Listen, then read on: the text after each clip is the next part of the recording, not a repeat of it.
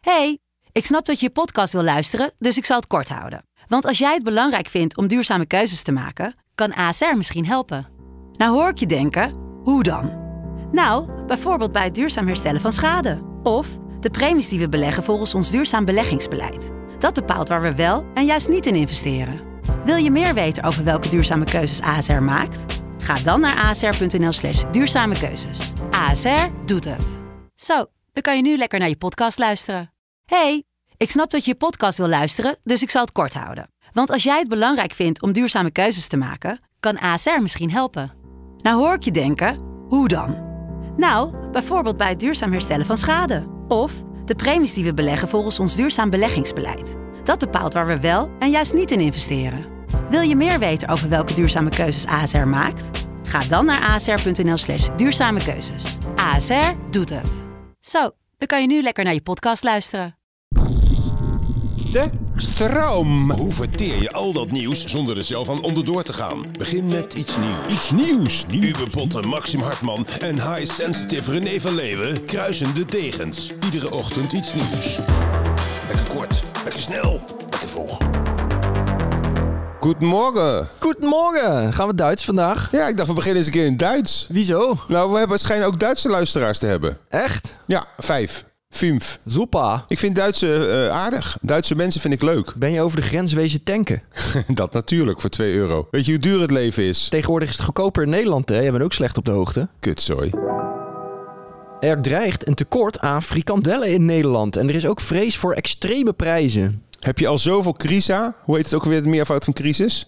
Crisis met een E, niet met een I. Crisea. Je hebt al zoveel crisea en dan komt dit er ook nog eens een keer bovenop. Een tekort aan frikandellen. Hoe is dat nou mogelijk? Volgens de frikandellen-experts ligt het aan een gebrek aan personeel en aan grondstoffen. Maar de, de, de frikandel is heel belangrijk. Vol- volgens mij is dat echt de halsslagader van de, van de snackwereld. Ik eet ze ook graag. Ja, echt? Jij? Ja, ik ben eigenlijk tegen snacks, maar alleen frikandelletjes wil ik nog wel eens eten als ik een kater heb. Maar weet je wat er in een frikandel zit? Ja, paardenvlees. Nee, kipseparatorvlees was het toch tegenwoordig? Wat is dat? van het vlees wat echt van het karkas wordt weggeschraapt in de, in de slachterij. Nou, op zich is dat heel duurzaam. Zeker.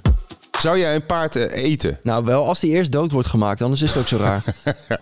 Maar goed, frikandellentekort. Wat doen we daar verder aan? nou, ik heb een oplossing toegestuurd gekregen van de snacksper Eke Bosman. Ja, die ken ik. Dat is een super eh, deskundige. Ja, René, Maxime, Snacksper hier. Het is natuurlijk ontzettend verschrikkelijk nieuws. Weer een crisis erbij, maar ik heb een scoop voor jullie. Er is een bedrijf in België, Van Reuzel, producent van de frikandel XXL en de Loempidel. En natuurlijk ook van de f- normale frikandel. Die heeft beloofd dat ze wat extra frikandellen gaan maken voor Nederland. Ze zeggen dat ze genoeg grondstof hebben, genoeg personeel en dat ze ons komen redden. God zij dank. Jezus, dus het was een frikandel in een glas water. Maar wel fijn dat Snacksper ons, eh, zeg maar, eh, onze paniek heeft weggehaald. Vorige week waren er een aantal fans die maakten oerwoudgeluiden in het Utrecht eh, stadion toen Ajax op bezoek kwam. Ja, tegen Brobby. Ja, tegen Brobby. En het klonk zo. wordt Utrecht bij het ingaan van de blessuretijd toch verrast. Het is niet eens eh, goed gedaan, vind ik. De oerwoudgeluiden zelf. Nee, ik vind ze niet echt van een hoog niveau. Het zijn ook alleen maar alsof er alleen maar apen in een oerwoud wonen. Precies, er wonen ook nog eh hagedissen, Vogels. geiten. Doe je toch een aap? Deden ze dat ook? Nee, het was meer Ik vind het wel heel erg goed en sterk dat de leiding van FC Utrecht nu eindelijk een keer ingrijpt. Want ze wijzen steeds naar de overheid. Hè, van ja, wat kunnen wij eraan doen? En ze doen nu gewoon die gasten opsporen met die camera's en gewoon keiharde stadion verboden.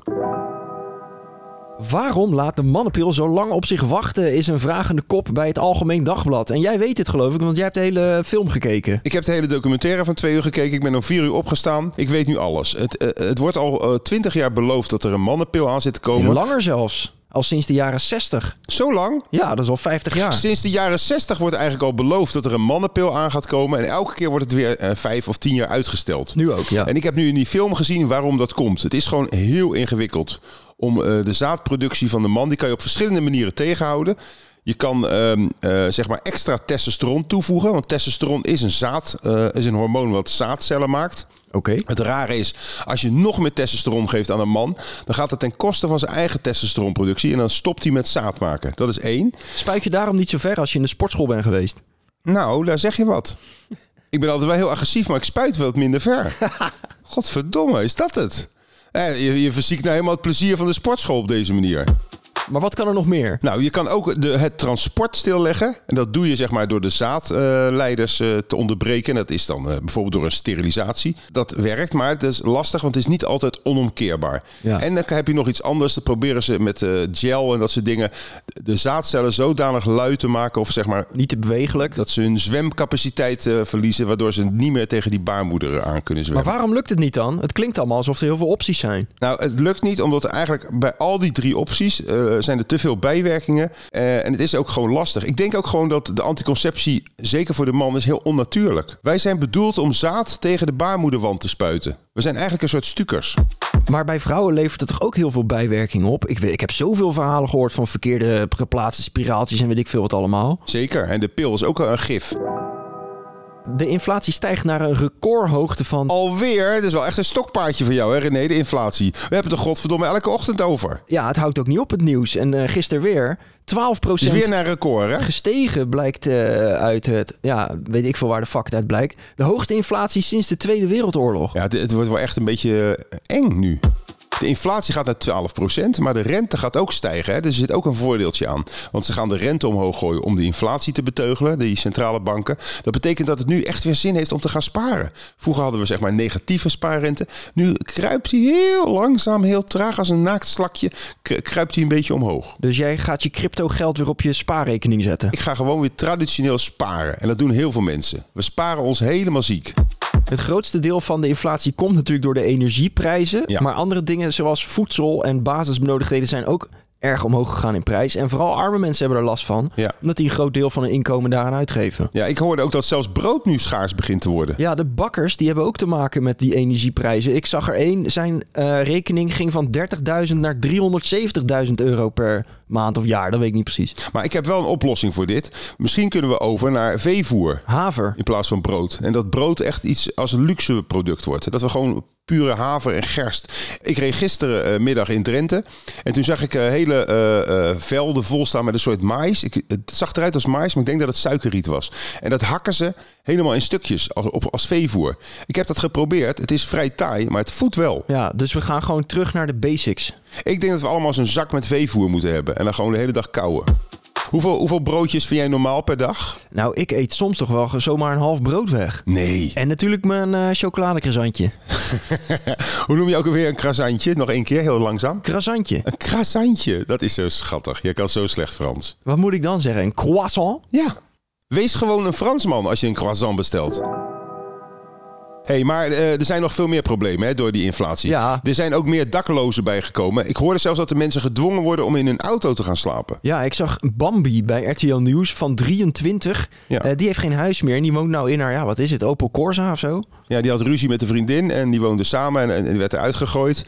En ja, dan vindt dan maar eens even een andere plek. En die is dan gewoon in de auto gaan wonen. Maar ze zag er wel fris en fruitig uit. Ja, daar let jij natuurlijk weer op. Nee, ja, maar ik bedoel, je denkt aan de daklozen toch vaak aan een beetje morsige mensen. Maar deze vrouw zag er gewoon hartstikke schoon en, en, en gelukkig uit. Ik heb ook wel eens een keer in een busje geslapen. Toen had ik een soort bestelbusje. En toen ging ik eh, naar festivals toe. En dan probeerde ik altijd leuke vrouwen, ja, het klinkt een beetje smerig, te versieren. En dan nam ik ze mee naar mijn busje. Ja. En dan deden we daar de daad en dan ging ik weer door. En dan sliep ik ook wel in dat busje, omdat ik dan te dronken was om weer naar huis te rijden. Het is wel fijn. Het is een soort, ja, je bent een soort kamper. Je bent een soort Frans Bauer. Een soort Mart Hoogkamer. Het weer. F- Wat was er vannacht aan de hand? Ben je ook helemaal rot geschrokken of sliep jij Ja, maar gewoon waarom heb door? je niks gewaarschuwd? Jij bent de weerman van iets nieuws. De mensen die wisten totaal niet dat er zo'n onweersbui kwam. Wat een flater. Nou ja, sorry, mijn welgemene excuses aan iedereen die naar het weer luistert hier. Maar wat had je gezegd als je het wel had geweten? Wa- waar moeten we de luisteraars voor waarschuwen als er nog een keer een zware storm komt? Nou, blijf gewoon vooral binnen of ga in een auto zitten, toch? Met rubberen banden. Precies. eh, ver- eh, je moet in het rubber zitten. Blijf weg bij bomen, hoge gebouwen, ijzeren hekken. Ga gehurkt zitten, duik in elkaar. Ga uit het water en trek iets van rubber aan. Desnoods een condoom. En er zijn ook nog stakingen in het streekvervoer. Nee. Maar ik ben vergeten op te zoeken waar het is vandaag, dus sorry daarvoor. Moeten de mensen toch nog wat zelf doen? Ja, Ze komen niet echt in een gespreid bedje. Nee, want ze moeten uit het bedje en hup aan het werk. Knallen vandaag, mensen. Doei. Tot ziens. Dit was Iets Nieuws. Tot morgen. Adverteerders opgelet. Kansen. Ben jij een marketeer bij een bedrijf en heb je nog bakken met geld liggen? Bel ons via ietsnieuws@de-stroom.nl en we maken de beste reclame ooit voor je. Alsof we het echt menen.